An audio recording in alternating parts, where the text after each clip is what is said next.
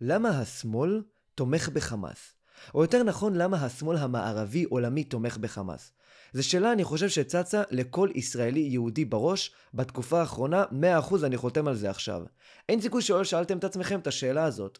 ב-BBC, ברשתות החברתיות, בכל מקום, בכל רשת תקשורתית גדולה, אנחנו רואים שיש איזושהי שנאה עזה לישראל, ותמיכה גדולה בפלסטין. בחמאסניקים יותר נכון.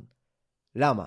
מאיפה זה מגיע, ומי הגורמים לכך? לגבי הערבים, אני יכול לענות לכם מיד למה הם שונאים אותנו. עזבו עשו ויעקב וכל הדברים האלה. אני רוצה להסביר לכם למה הם שונאים אותנו עכשיו. הם שונאים אותנו עכשיו בגלל שהמדיה והתקשורת מציפה אותם במידע שגוי. יותר מזה, עזבו מדיה ותקשורת. אם עכשיו אנחנו רוצים להסתכל על החומר האובייקטיבי שהם מקבלים, מאמרים, ספרים, אנא ערף, ויקיפדיה. בוויקיפדיה יש מאמרים שלמים שכשאתה קורא אותם בעברית, או שאתה קורא אותם באנגלית, הם שונים לחלוטין מאיך שהם כתובים בערבית. לדוגמה, אם עכשיו תרשמו מבצע חרבות ברזל, תיכנסו לערך הזה, תתחילו לקרוא את כל הערך של מבצע חרבות ברזל, או יותר נכון מלחמת חרבות ברזל, בעברית ובאנגלית, ואחרי זה נגיד תלכו לדף הערבי ותתרגמו אותו באפשרות של גוגל טרנסט, תתרגם את כל הדף, אתם תקבלו מידע שונה לחלוטין ממה שאתם מקבלים בעברית ואנגלית. ובואו אני אראה לכם עכשיו דוגמה מצוינת לכך ממש בלייב. עכשיו אני מקריא לכם את הדף ויקיפדיה בעברית על הפיצוץ שהיה בבית החולים בעזה, ואחרי זה גם אני אקריא לכם את הדף הערבי. שתיהם יהיו כמובן מתורגמים לעברית, כן? אני לא יודע לקרוא ערבית. הפיצוץ בבית החולים היה פיצוץ שהתרחש במגרש חניה סמוך לבית החולים, בשכונת זייתון, בעזה, ב-17 באוקטובר 2023, בשעה 6:59. במהלך מלחמת חרבות ברזל, וכתוצאה משיגור רקטה כושל של הג'יהאד האיסלאמי לעבר ישראל. הפיצוץ התרחש בחצר בית החולים, בעת שאלפי עקורים פלסטינים מצפון רצועת עזה חיפשו בו מקלט. לטענת החמאס, מספר ההרוגים בפיצוץ נע בין 200 ל-700 בני אדם. אולם ככל הנראה מספר זה נופח, ולפי הערכה של קהילת המודיעין האמריקאית, מספר ההרוגים נע בין 100 ל-300, ככל הנראה קרוב יותר ל-100. באיחוד האירופאי מעריכים כי מדובר בעשרות הרוגים בלבד. מיד לאחר האירוע טען משרד הבריאות של הרצועה כי הפיצוץ נגרם כתוצאה מתקיפה אווירית ישראלית. דובר צה"ל הכחיש את הטענה והציג ראיות שלפיהן הפיצוץ נגרם כתוצאה מכשל באחת הרקטות של הג'יהאד האיסלאמי ששוגרו לעבר חיפה. כלי תקשורת רבים שידרו את טענות החמאס כלשונן והאשימו את צה"ל בתקיפה. היו גם ממשלות שגינו את ישראל על התקיפה והתקיימו הפגנות נגד ישראל. מנגד, נשיא ארצות הברית, ג'ו ביידן, אמר על סמך מודיעין אמריקאי שישראל לא אשמה בפיצוץ ושהוא נגרם על ידי רקטה פלסטינית. לאחריו הצטרפו לקביעה גם קנדה, בריטניה וצרפת על בסיס הערכות מודיעיניות. בעקבות ההערכות החדשות האלה, חלק מכלי התקשורת חזרו בהם מהאשמת ישראל, אך רובם לא התנצלו. עכשיו נעבור לדף הערבי, ונראה שאין שום אזכור לטענה הישראלית, ורק מציגים את הטענה הפלסטינית, ועוד בהרבה עוצמה ועוז. כלומר, לא מתביישים בה אפילו, ומפרטים על הטבח הנורא שהישראלים עשו עם המתקפה האווירית. שימו לב לזה. טבח בית החולים, הידוע גם בשם טבח בית החולים הלאומי הערבי, הוא טבח שביצע חיל האוויר הישראלי, כאשר פשט על בית החולים הלאומי הערבי בשכונת אל-זייתון בשעות הלילה ב-17 באוקטובר 2023. הטבח הישראלי גרם לאסון של ממש. הטבח קרע את גופות הקורבנות וגרם להם להתפזר ברוח, בעוד שבית החולים הפך לשלולית של דם. בית החולים הערבי הלאומי הוא אחד מבתי החולים הוותיקים ברצועת עזה. הוא מזוהה עם הכנסייה האנגליקנית בירושלים. ישראל הכחישה את טענות הפלסטינים בטענה שהפיצוץ נגרם כתוצאה מטיל שנורה על ידי תנועת הג'יהאד האיסלאמי. התנועה פרסמה הודעה ובה הכחישה את ההאשמה הישראלית. ושימו לב מה עוד כתוב במאמר הזה. חוץ מזה שבהתחלה גם כתוב משהו מאוד מאוד מעניין, כדי כמובן להתיידד עם החבר'ה הנוצרים שקוראים בערבית, אולי יש כל מיני ערבים נוצרים למיניהם, אז הם כתבו שבית החולים הזה מזוהה עם הכנסייה האנגליקנית, כלומר, מזוהה עם ישוע, מזוהה עם ישו, וזה כמובן כדי להתיידד עם הנוצרים, שהם חלק ניכר מהעולם. אבל בואו נסתכל על עוד קטע סופר מעניין ודי מצחיק, שימו לב לזה. תעמולה ישראלית. לישראל יש היסטוריה ארוכה של תעמולה, בדיה וניסיונות התחמקות. ועכשיו הם נותנים כאן ממש רשימה מפורטת של כל מיני דרכים שבהם ישראל ניסתה להתחמק מכל מיני הבלות ודברים נוראים שהם עשו לפלסטינים, שבחלקם הם נכונים, אבל מאיזושהי סיבה הם גם מזכירים כאן את יחידה 8200, וטוענים שהיא היחידה המרכזית שיוצרת את כל האשליות האלה וכל החדשות הכוזבות האלה, ואחרי זה היא שולחת אותם לעולם על ידי דובר צה"ל. מאוד מאוד מוזר. אז עכשיו אנחנו מבינים למה הערבים כל כך שונאים יהודים וכל כך תומכים בחמאס. כי המידע שהם מקבלים, לא נכון, המידע אובייקטיבי, עזבו מה שהם מקבלים בחדשות. כל דפי הוויקיפדיה מפוברקים. אז לשאול למה הערבים שונאים את ישראל, זו שאלה קלה מדי. אני רוצה לשאול למה העולם המערבי, השמאל המערבי, שונא את ישראל. ואני רוצה להדגיש את השאלה כאן, כי כשאני אומר שמאלנים, אני לא מתכוון לאיזה שמאלני טיפש. אני מתכוון לאקדמאים, לבעלי העסקים הגדולים, למשכילים, לאנשי הרוח, לאנשי המפתח של איטליה, לאנשי המפתח של שווייץ. למה האנשים האלה תומכים בחמאס? ואני אגיד לכם עכשיו את התשובה. התשובה היא, כי הימנים מטומטמים. וואו, וואו, וואו, רק שנייה אחת, עכשיו בטח מלא אנשים מתחילים לרשום בתגובות, יא גזען, יא שמאלני, יא כל מיני שטויות כאלה, למה אתה אומר שימנים מטומטמים? יש מלא ימנים שהם חכמים, מאיפה אתה מביא את השטויות האלה, מאיפה השלשול הזה יוצא לך מהפה? אבל תנו לי רגע להסביר את עצמי, נכון, זו איזושהי תשובה סופר uh, כזאת קיצונית כזאת, אבל תנו לי רגע להסביר את עצמי, להעביר לכם את התשובה, ואחרי אתם תבינו איתי ביחד. למה בסופו של דבר זו התשובה שלדעתי, מהתיאוריה שלי, הכי הגיונית כדי להסביר את המצב שאנחנו נמצאים בו כיום. אז ככה, בשביל לענות לכם על זה, אני רוצה להתחיל קודם כל באיזשהו סיפור קטן. ב-7 באוקטובר בשבת השחורה, הבסיס שאני משרת בו נפרץ על ידי מחבלים, והם הרגו שם סמ"פ, מ"פ, שני מ"מים, שני מפקדים וטירון אחד, שהיה חבר מאוד מאוד טוב שלי, קוראים לטירון הזה נריה. אני בכללי עכשיו נמצא בטירונות של פלחץ לצערי, והבסיס שהייתי בו הותקף, כמו שאמרתי, זה היה בח העורף בזיקים. הבסיס שהיה בזיקים ונפרד זה הבסיס שלי, ואם אפשר לסמוך על משהו קטן לפחות, זה הבסיס היחיד שהוא נכבש לחלוטין. ולכן הבסיס הזה משמש עכשיו כשטח כינוס. עכשיו, בגלל שלא הייתי יכול לחזור לבסיס הזה, כי עכשיו הוא בסיס של שטח כינוס, וכל הזמן נכנסים לשם מחבלים, אז העבירו אותי לבסיס ברמלה. בזמן שהייתי בבסיס הזה ברמלה של פיקוד העורף בשבוע הראשון, המשמעת קצת ירדה. למה? כי רצו להתחשב בחיילים, בגלל התקופה, בגלל הקושי הרב, בגלל שאנשים שם, חיילים, איבדו באמת המון המון חברים שלהם. ובאותו זמן היה לי הרבה יותר זמן לעצמי. זמן לעשות כל מיני דברים אחרים, זמן לשאול, זמן לברר, זמן לדעת, אולי גם זמן לחקור על המלחמה, היה לי טלפונים, שזה היה קצת מוזר בטירונות.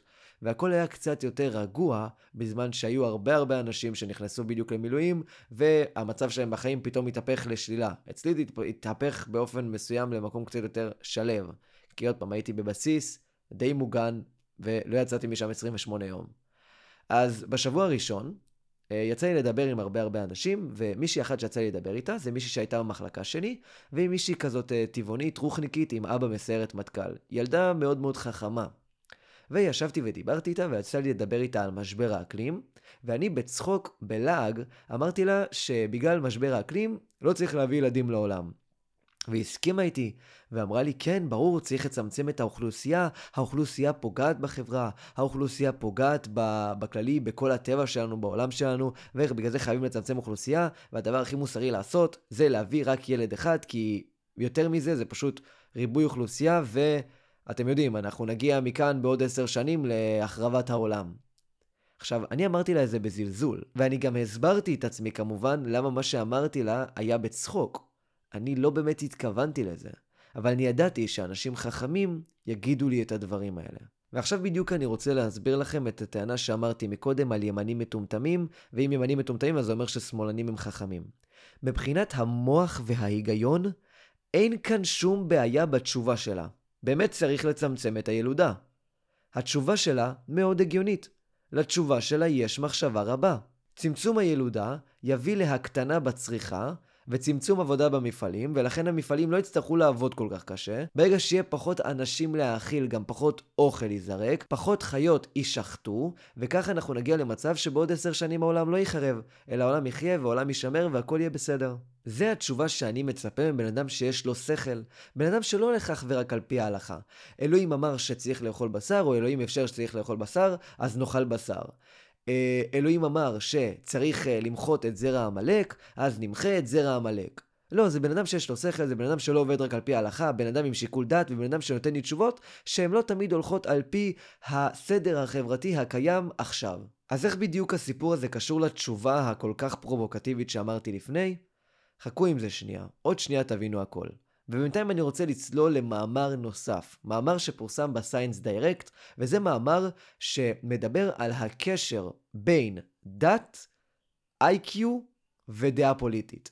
המאמר אומר דבר סופר קיצוני. ככל שאתה אינטליגנט יותר, כלומר ככל שיש לך IQ גבוה יותר, יש סיכוי גבוה יותר שתהיה אתאיסט, ויש סיכוי גבוה יותר שתהיה שמאלני. וככל שאתה עם איי-קיו נמוך יותר, כלומר טיפש יותר, יש לך סיכוי רב יותר להיות דתי, ויש לך סיכוי רב יותר להיות ימני. יש קשר ברור, יש קורלציה ברורה שממש אפשר לראות בגרף בין החוכמה שלך לבין הדעה הפוליטית שלך. אבל זה לא עונה לי בשום צורה לשאלה ששאלתי עוד בהתחלה. למה השמאל תומך בחמאס? אז ככה, אני הולך להסביר לכם למה שכשיש לכם איי-קיו גבוה, אתם הופכים להיות יותר שמאלנים. על מה איי-קיו משפיע מאוד? חוץ מלפתור פאזלים או משהו. על מה איי-קיו משפיע? איי-קיו משפיע על תפיסת האדם את העולם. הדרך שבה האדם תופס את העולם, תופס את החברה, תופס את מקומו בעולם, משתנה כאשר לאדם יש איי-קיו גבוה או כאשר לאדם יש איי-קיו נמוך. זה למה אומרים שאלוהים עם איי-קיו הכי גבוה בעולם, הוא גם בן אדם שיודע הכל, יודע את כל מה שקורה בחברה. וזה למה אומרים שגם אם נעשה לך אי צדק, בסוף בעולם בכלליות, אם תצפה בכל העולם מנקודת מבט של אלוהים, יש צדק בעולם. אולי לך עכשיו נעשה סוג של אי צדק, אבל בסך הכללי תמיד יש צדק, תמיד אלוהים פועל למען הצדק. אוקיי? כי לאלוהים יש תפיסה רחבה יותר של העולם. למה? כי יש לו כאילו תודעה רחבה יותר, איי-קיו גבוה יותר.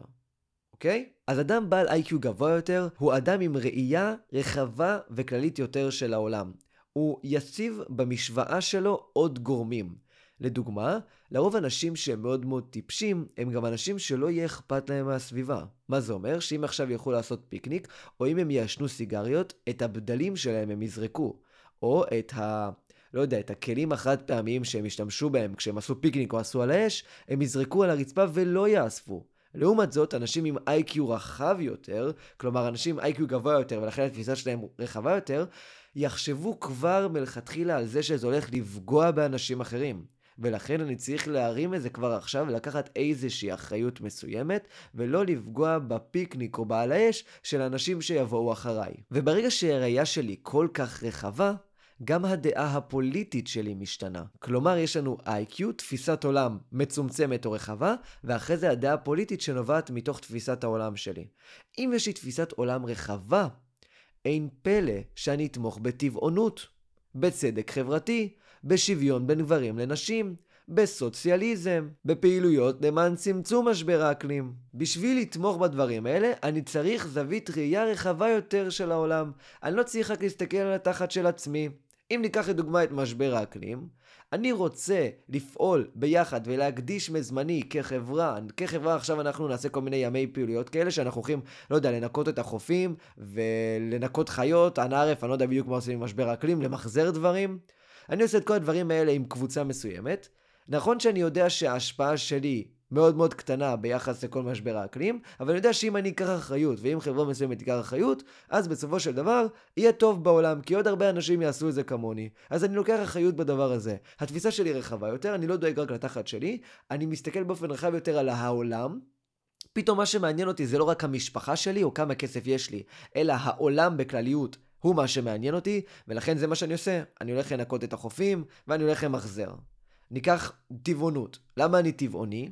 אני טבעוני לא בגלל שאני באמת מבין את הסבל של החיות. הימני לא טבעוני בגלל שהימני לא מסוגל לחשוב שלחיה התמימה, לסייה התמימה הזאת שהולכת לשחיטה, יש איזושהי יכולת להבדיל בין טוב ורע, יש לה איזושהי בינה, שכל, דעת, אין לה את כל הדברים האלה, אז שתמות, מה אכפת לי? אבל השמאלני, לשמאלני כאילו יש איזושהי ראייה רחבה יותר של העולם. אז אולי השמאלני לא יכול לדעת מה לחיה עובר בראש, או האם החיה באמת מרגישה קושי פיזי וכאבים נוראיים כאשר אנחנו פוגעים בה, או שזה פשוט רק אינסטינקטים. נכון, השמאלני לא יכול לדעת באמת מה עובר לחיה בראש, אבל בגלל שהשמאלני לא יודע, הוא לוקח את הגישה הגרועה ביותר, הוא מבין שבתור חברה אנחנו אנשים לא מוסריים אם אנחנו לוקחים את הגישה הגרועה ביותר שבאמת חיה ממש ממש סובלת בזמן השחיטה ובכל זאת אנחנו עושים את זה, ולכן הוא אומר, אני מונע מעצמי לאכול חיות. ואני די בטוח שהשחיטה, והרבה מכם יכולים עכשיו לרשום לי את זה גם בתגובות, השחיטה זה לא הגורם היחיד שגורם לטבעוני להיות טבעוני. אני חושב שהסיבה המרכזית שטבעוני הופך להיות טבעוני,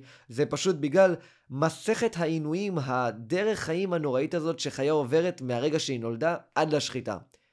היא נולדת, לוקחים אותה מאימא שלה, מתחילים לפמפם אותה בכל מיני נוגדנים ואנערף, ואחרי זה נותנים לה לאכול כמה שיותר עד שהיא מגיעה לאיזה גיל חצי שנה, ורק אז שוחטים אותה כאשר היא סופר שמנה, עם כל כך הרבה מחולות שאלוהים ישמור, והיא רק סחטה בחרא של עצמה כל הזמן, כי אין כסף. לנקות את כל החרא הזה, כי יש יותר מדי חיות ואנחנו לא רוצים להשקיע כסף, אז את כל החיים שלה היא בילתה בזוהמה של עצמה. ניקח עוד דוגמה. שוויון בין גברים לנשים. מה אכפת לי שאישה עכשיו שכל הזמן דואגת לי ומבשלת לי ומנקה לי וככה היה לפני מאה שנה, למה שאני לא אמשיך עם זה? אני יכול להבטיח לכם שאף גבר לא יתלונן אם אשתו תבשל, תנקה, תיקח את הילדים ותעשה את כל הדברים שאף אחד לא באמת אוהב לעשות. נכון? אף גבר לא יתלונן. אבל ברגע שאני שמאלני, תפיסת העולם שלי רחבה יותר, ואני מתחיל להבין את הכאב של האישה. למרות שאני לא אישה, אני גבר, פטריארכלי לכאורה, אני מבין את הכאב של האישה ולכן אני מתחיל להשתתף בעבודות הבית. התנועה לשחרור האישה היא תנועה קודם כל שמאלנית. היא תנועה של אנשים עם דעת רחבה יותר, לא איכרים פשוטים ולא נהגי מוניות, אלא אנשים בעלי איי-קיו גבוה יותר, שבאמת מחפשים לעשות איזשהו צדק חברתי בעולם. למה צדק חברתי ולא צדק אישי? כי צדק חברתי גדול יותר כשיש לך תפיסה כוללת יותר של העולם. אבל מנגד, הימני לא חושב ככה. כי בממוצע ה-IQ של הימני נמוך יותר, וברגע שה-IQ שלך גם נמוך יותר, אתה לא מסוגל להסתכל על אנשים שהם מחוץ לטווח ראייה שלך, בוא נגיד ככה. כלומר, אתה לא מסוגל להסתכל על אנשים שהם לא המשפחה שלך, והם לא אתה. מה זה אומר? זה אומר שבתור ימני אני אנצל כמה שיותר, ואנסה לעשות כמה שפחות. זה אומר שעכשיו כל המשפחה שלי צריכה להסתער בחדר אוכל בבית מלון. זה אומר שאני אקנה בכמויות לשבת למרות שאני לא אוכל חצי מזה. זה אומר שלא יהיה מעניין אותי טבעונות, ולא מעניין אותי משבר האקלים, ולא מעניין אותי כל הדברים האלה. אני צריך בסופו של יום להאכיל את המשפחה שלי. תן לי כסף, אני שורף פה עצים. אל תיתן לי כסף, אז תעוף לי מהפנים אחי, לא אכפת לי. זה למה אתם בחיים לא ראיתם ימני שהולך לאסוף פלסטיק מהחוף בהתנדבות כדי לעזור לצבים. אתם אף פעם לא ראיתם ימני שאומר, אוי ואבוי, חיות מסכנות, ואתם אף פעם לא ראיתם ימני שתומך בסוציאליזם ולא תומך בקפיטליזם. כי מה זה סוציאליזם? לחשוב גם על החברה שלך. מה זה קפיטליזם? כל אחד דואג לתחת של עצמו, ובסופו של דבר עם הגישה הזאת, ככל הנראה יהיה יותר טוב. למרות שזה בתכלס כן מה שקורה, אבל הגישה שלך, הגישה שמביאה אותך לקפיטליזם, היא גישה לא נכונה. מבחינת uh, התפיסת העולם שלך, כי תפיסת העולם שלך היא אנוכית, ולא תפיסת עולם חברתית, כוללת, חכמה יותר, שמצריכה איי-קיו גבוה יותר. עוד אלמנט שמבדיל את שני הקבוצות האלה, את הימנים והשמאלנים, את בעלי ה-IQ הגבוה ובעלי ה-IQ הנמוך, הוא הדרך שבה הם רוצים לעשות את הטוב. שני הקבוצות רוצים לעשות טוב. קודם כל, בואו נתחיל מזה. אין דבר כזה ימני שאומר אני רוצה לעשות רע בעולם, ואין דבר כזה שמאלני שאומר אני רוצה לעשות רע בעולם. כלומר, כן, כמובן שיש חולי נפש, אבל זה לא בחלק מהעקרונות הפילוסופיים שלהם, בוא נגיד ככה. זה לא חלק מהעקרונות במוח. הימני רוצה לעשות טוב לעולם, והשמאלני רוצה לעשות טוב בעולם. אבל השיטות שבהם הם עושים את הטוב, הן שונות בתכלית, וזה גם למה הם מצביעים לאנשים שונים, נכון? למה ימני מצביע לבן אדם כזה, כי הוא חושב שהוא יעשה טוב למדינה ככה, ולמה שמאלני מצביע לאדם כזה, כי הוא חושב שהוא יעשה טוב ככה. אוקיי? עכשיו אני אסביר לכם את ההבדלים בשיטות שלהם לעשות טוב. לשמאלני אינטליגנט יש גם חשיבה ביקורתית על העולם. אני חוזר ואומר, לשמאלני אינטליגנט יש חשיבה ביקורתית על העולם. מה זה אומר? שהוא חושב שהעולם רע. העולם במצב הקיים לא טוב. את העולם, את החברה, את הסדר החברתי, כשאני אומר עולם אני לא מתכוון עכשיו, לא יודע, לתקן את האדמה, אני מתכוון בכללי לחברה שלנו. את החברה צריך לתקן. כי החברה שלנו, אם עכשיו נחקור אותה באופן סוציולוגי, לחברה שלנו יש הרבה נגעים, הרבה טעויות, הרבה דברים רעים, כמו, כמו שאמרתי, שאנשים לא טבעונים, שאין שוויון בין גבר לאישה, שלא מקבלים הומואים וכל מיני דברים כאלה. עכשיו שימו לב, כל מהפכה חברתית משחר האנושות הייתה תגובה שמאלית. לא תגובה ימנית, תגובה שמאלית. במהפכה הצרפתית לדוגמה, ביקרו את הסדר החברתי הקיים של מלך שקובע את הכל ואין לאף אחד שום זכות ואין לאזרחים התמימים שום זכות, וקידמו ערכים ליברליים וקידמו את הדמוקרטיה וקידמו את כל הדברים האלה. ואלה שהתנגדו למהפכה היו ימנים. כלומר, אנשים שחושבים שהכל לטובה, גם זו לטובה, אין ייאוש בעולם כלל, הכל בסדר, המצב עכשיו תקין, המלך צריך לשלוט, ואנחנו לא צריכים לצאת לשום מהפכה. כי מהפכה תביא רק לחורבן, ולא באמת תביא לאיזשהו סדר עולמי חדש. ואם כבר נגענו בימנים, עכשיו אנחנו מבינים איך הימנים הופכים את העולם לטוב.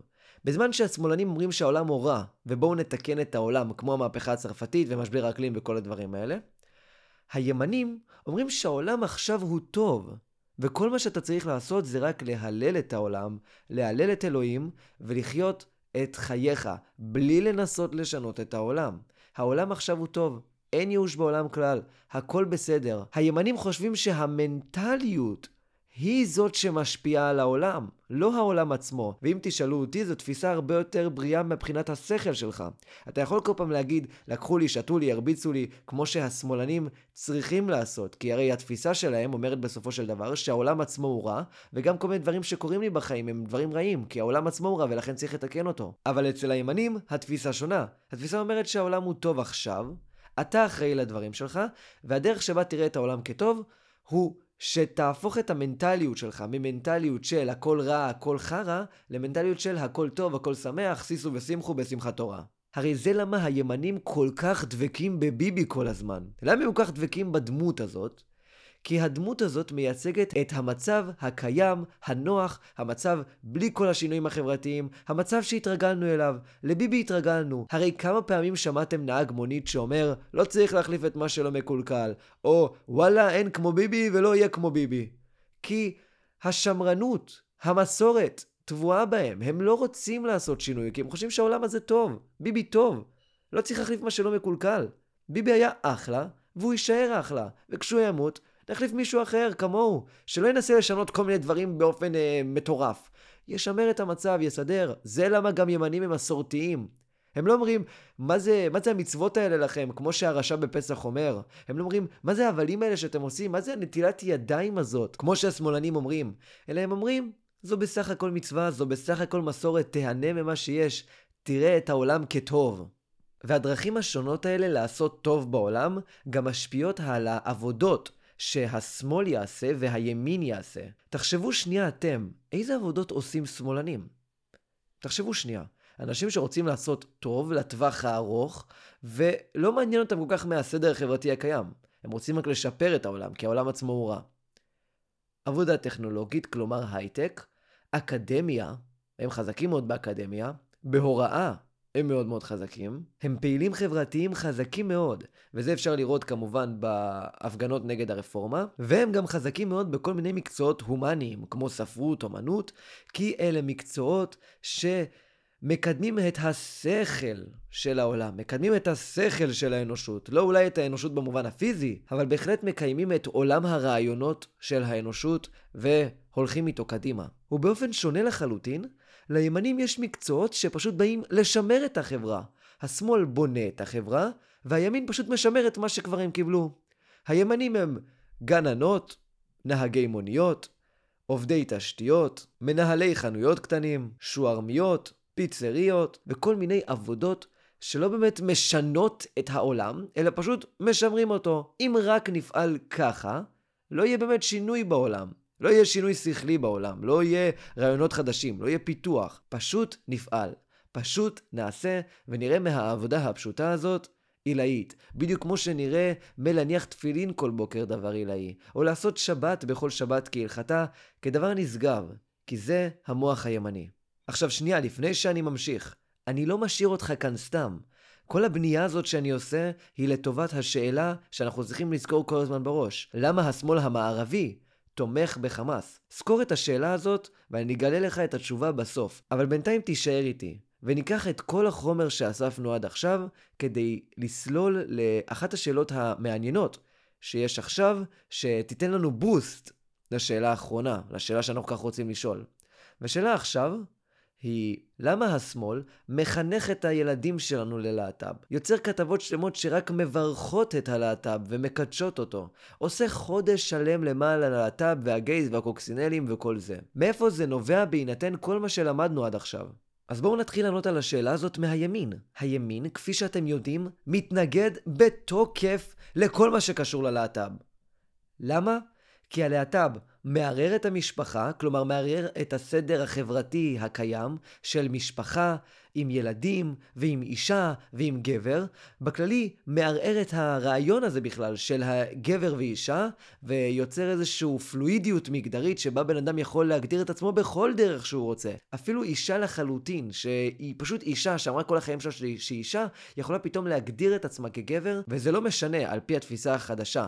אם יש לה איבר מין זכרי או איבר מין נקבי, בסופו של יום היא מגדירה את עצמה כגבר מעתה ואילך, היא תהיה גבר. תפיסת העולם של הימני לא מספיק רחבה, לא מספיק כוללת, כדי להבין שיש אנשים שתופסים את עצמם שונה מהדרך שבה אתה תופס את עצמך ימני שצופה בסרטון הזה.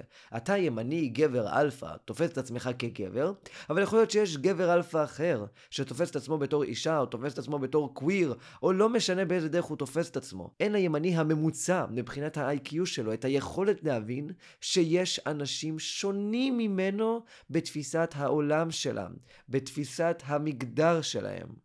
אני לדוגמה, עם מוח מאוד מאוד פרימיטיבי, ויצא לי פעם אחת להיות בסבידור מרכז, וניגשה אליי אישה שפתאום התחילה לדבר אליי עם קול של גבר, ואני פתאום נרתעתי, פתאום הייתי בשוק, והאישה הזאת, או הגבר, אני לא יודע איך לקרוא לה, כאילו, שמה לב לזה, והיא גם כאילו נבהלה כמוני.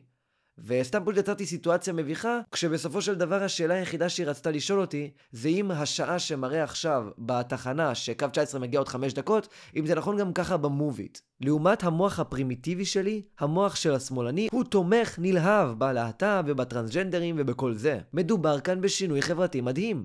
סוף סוף לא נצטרך להפלות כל מיני קבוצות בחברה רק בגלל שהם שונים מאיתנו ומשתמשים במושגים שונים ממה שאנחנו מכירים במוח שלנו, אלא נקבל את כולם כאחד. נהיה אנשים הרבה יותר פתוחים, ניצור חברה יותר ליברלית ופתוחה.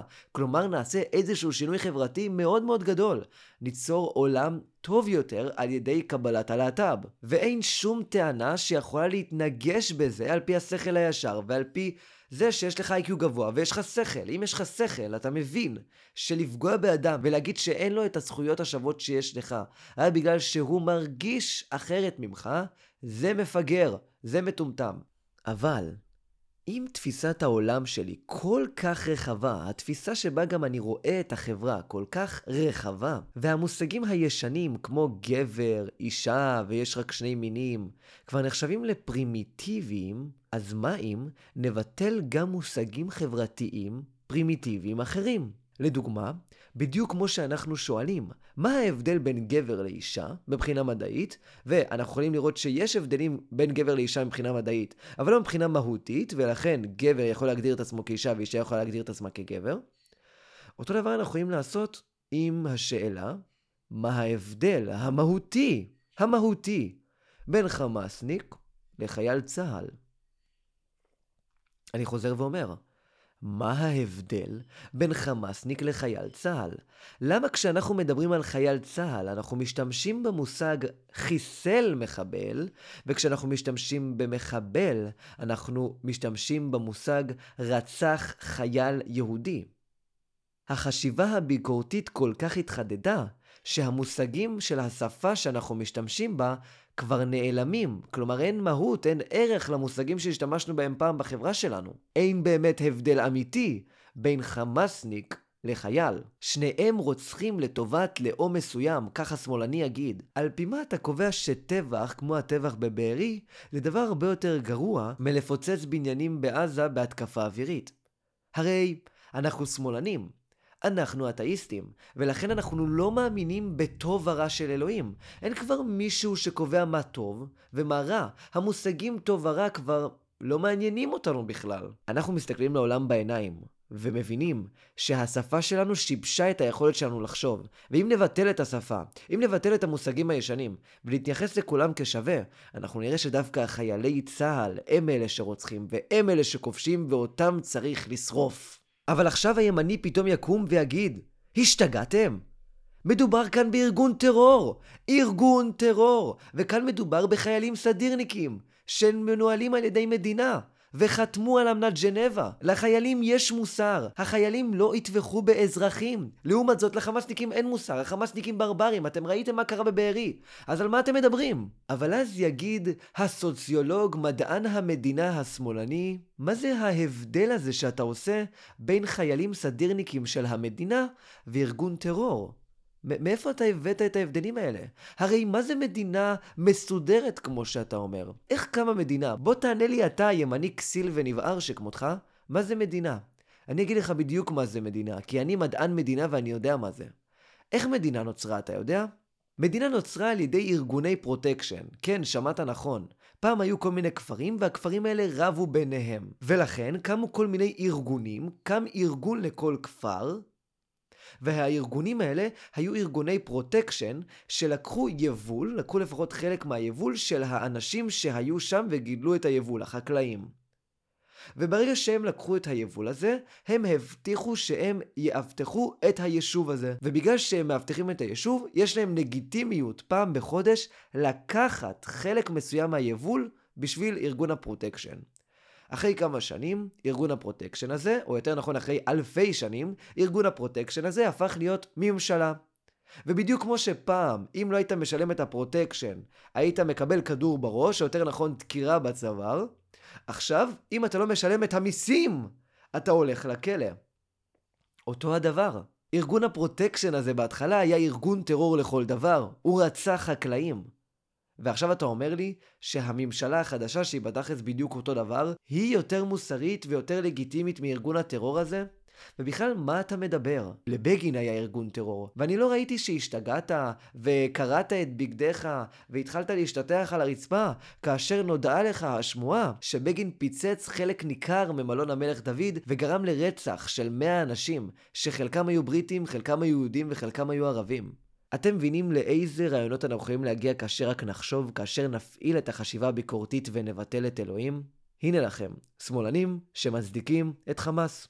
עכשיו, ארץ נהדרת אולי לא עשו פודקאסט, אבל הם הציגו את הטענות שאני הצגתי עכשיו בסרטון על ידי מערכון של שתיים וחצי דקות, וזה מערכון שמשלב בין תמיכה בטרור, אקדמיה וגייז. אז בואו נראה אותו עכשיו ביחד. עכשיו, אני כן יודע שיש אנשים שמאזינים לזה בספוטיפיי, אז כמובן שאני אשים קישור לסרטון, ובכלי אתם תוכלו לשמוע את הסרטון הזה, או פשוט לצפות בו ביוטיוב, כי הסרטון הזה כמובן עולה ויזואלית ביוטיוב. אז יאללה, בואו נתחיל.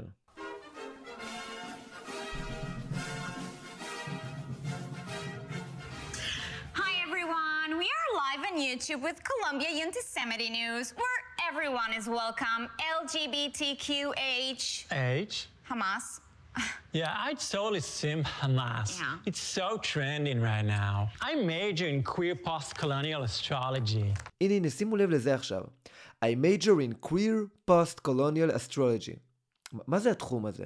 major in queer post-colonial astrology. עזבו את האסטרולוגיה, עזבו את הקוויר, למרות שזה די מצחיק, בואו ניכנס לפוסט קולוניאליזם. פוסט קולוניאליזם זה תחום בסוציולוגיה או אנתרופולוגיה, שמבקר באופן כללי את התפיסה שקולוניאליזם זה דבר טוב. כלומר, שתרבות אחת שלכאורה עליונה יותר מתרבות אחרת, כובשת את המקום הזה ומחדירה את התרבות החדשה והמערבית, מה שנקרא, לתרבות הנחותה הערבית. זה היה לדוגמה עם הצרפתים ואלג'יר. הצרפתים כבשו את אלג'יר, הפכו אותם למאוד מאוד צרפתיים, ובשביל הפוסט-קולוניאלים זה דבר רע לעשות, זה ממש רשע.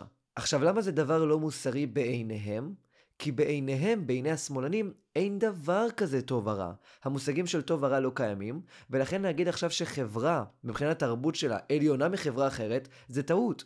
ולכן אין שום זכות לחברה מסוימת להשליך את המנהגים החברתיים שלה ואת הדפוסים ההתנהגותיים שלה על חברה אחרת. ולכן הישראלים, מדינת ישראל, לא עליונה יותר מהפלסטינים, ולא רק שלפלסטינים מגיעה מדינה בדיוק כמו ישראל, לפלסטינים יש את מלוא הזכות להתמודד עם הקולוניאליזם המדינאי-ישראלי הזה, ולמחות את כל הישראלים ואת כל היהודים, כי הישראלים והיהודים הם בדיוק כמו הקולוניאליסטים הצרפתים באלג'יר.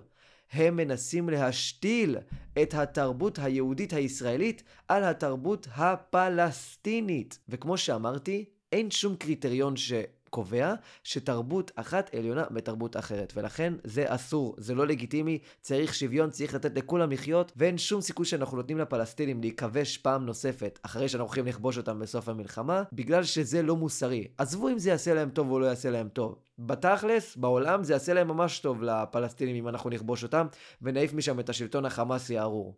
אבל, זה לא בסדר ולא לגיטימי מבחינת התחום של פוסט-קולוניאליזם. כי אין חברה אחת שעליונה יותר מחברה אחרת.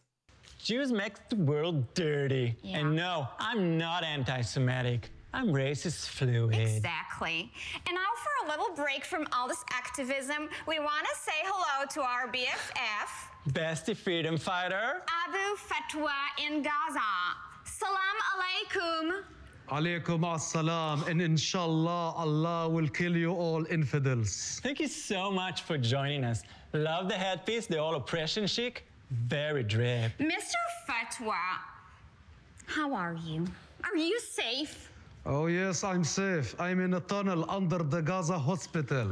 Above me, I have Allah and two million civilians protecting me. Community is so important these days. שימו לב מה Community is so important these days. כלומר, היא לוקחת את התפיסת עולם המאוד מאוד חד-מימדית הזאת של אם אתה עכשיו מתחבא מתחת לשתי מיליון אזרחים, זה אומר שאתה פושע מלחמה כי אתה יכול לפגוע בשתי מיליון האזרחים האלה בכך שאתה משתמש בהם כמגן אנושי. אבל היא אומרת, מאיפה הבאתם את השטות המטומטמת הזאת? מגן אנושי. יש כאן בסך הכל עניין של אחווה והדדיות ורעות בין הפלסטינים. מי אתה, יא ישראלי ימני מטומטם, שתגיד שזה לא בסדר? לך יש מוסר אחד, ולהם יש מוסר אחר, ובשבילם מדובר ברעות. רעות למען דבר עליון יותר. למען אללה. Do you need like humanitarian aid, food, fuel, medicine? It's okay, I have everything. I'm only hungry for rockets. As long as it's organic. Yeah. I wish I just could be there with you. You can. You can come to Gaza anytime and we will throw you from the roof, you homosexual dirt. Do you hear? Bro, want to throw me a rooftop party? They are so welcoming and inclusive. So, shukran.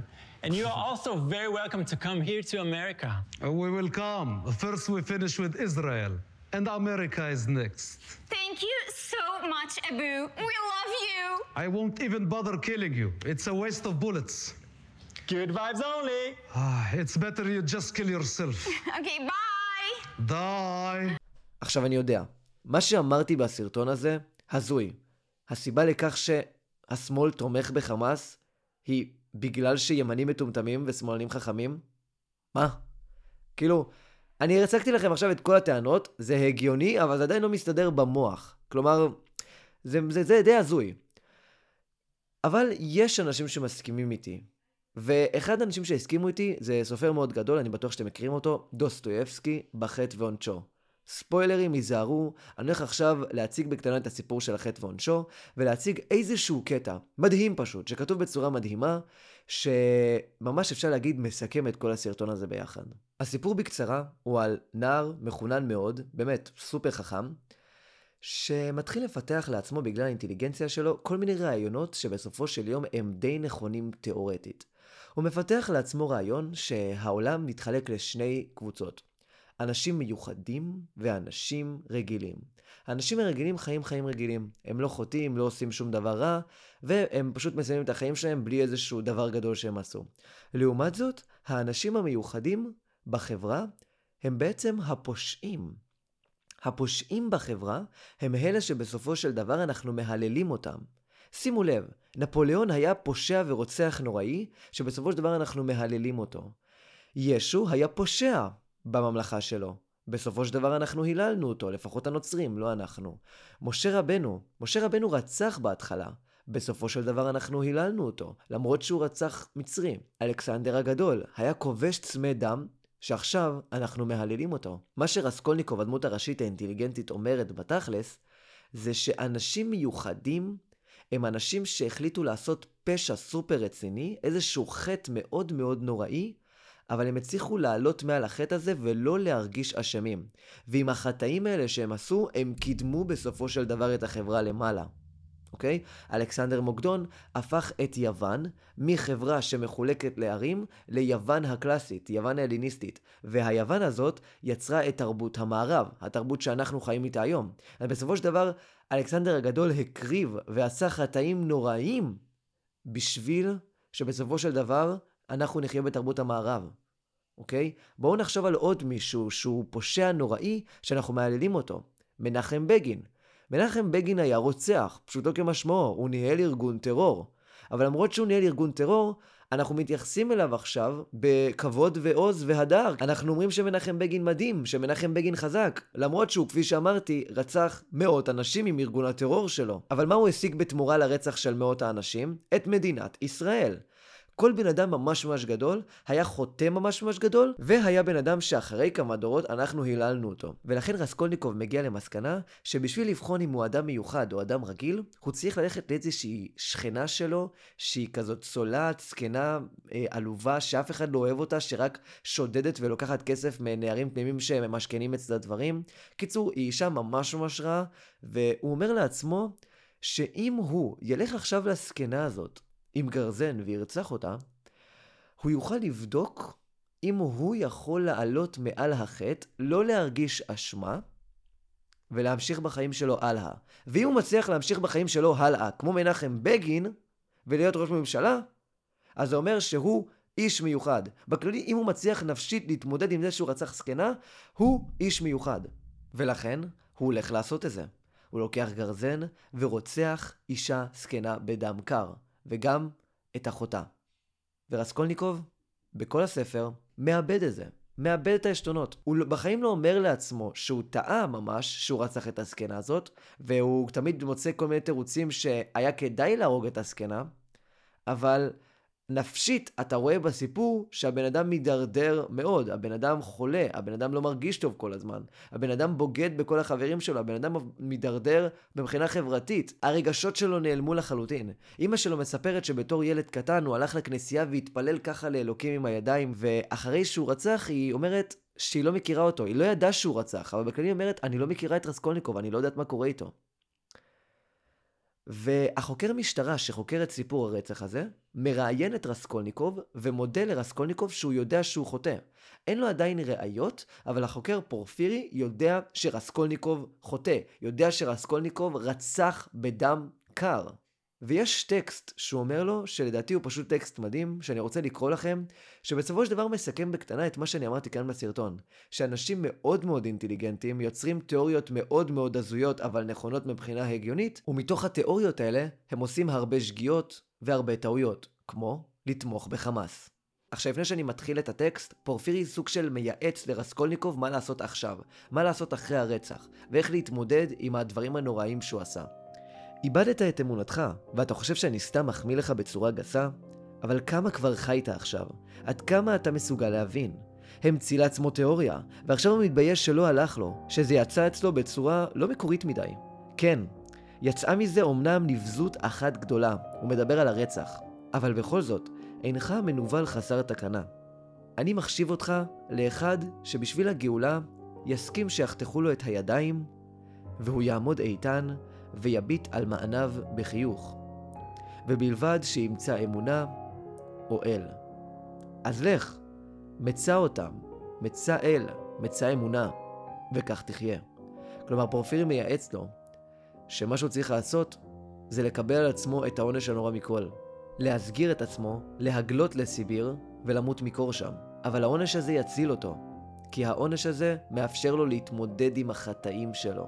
מאפשר לו להתמודד עם הרעיונות הנוראים שהוא יצר ועם התוצאה הנוראית שבאה בעקבות הרעיונות האלה. אני יודע שלאמונה לא מגיעים בקלות, אז אל תתחכם בעורמה. התמסר לחיים, ישר, בלי להתפלסף. ואני יודע שעכשיו אתה מתייחס לדבריי כאל נאום ששיננתי זה מכבר, אבל אולי תזכור אותם לאחר זמן, ופתאום תמצא בהם תועלת. לשם כך גם אמרתי אותם. וטוב שרצחת רק איזו זקנה קטנה, ומה אם היית ממציא איזו תיאוריה אחרת? אולי אז היית מעולל איזה מעשה מכוער פי מאה מיליון ואפילו יותר? אולי אתה עוד צריך להודות לאל, מניין לך לדעת? אולי האל עוד שומר עליך למען דבר כלשהו. אז אני מקווה שנהניתם מהסרטון, והבנתם למה השמאל תומך בחמאס. תרשמו לי בתגובות מה אתם חושבים. אם יש כל מיני טעויות וכל מיני דברים שאני לא חידדתי כמו שצריך, פשוט תרשמו לי מה אתם חושבים על הערוץ, איפה אני יכול להשתפר, ומה אני עוד יכול לעשות, על מה אני עוד יכול לדבר, ומה לא אהבתם בסרטון הזה. תרשמו את זה בספוטיפיי בתגובות או ביוטיוב, תירשמו לערוץ, וזכרו, עם ישראל חי. סלמת.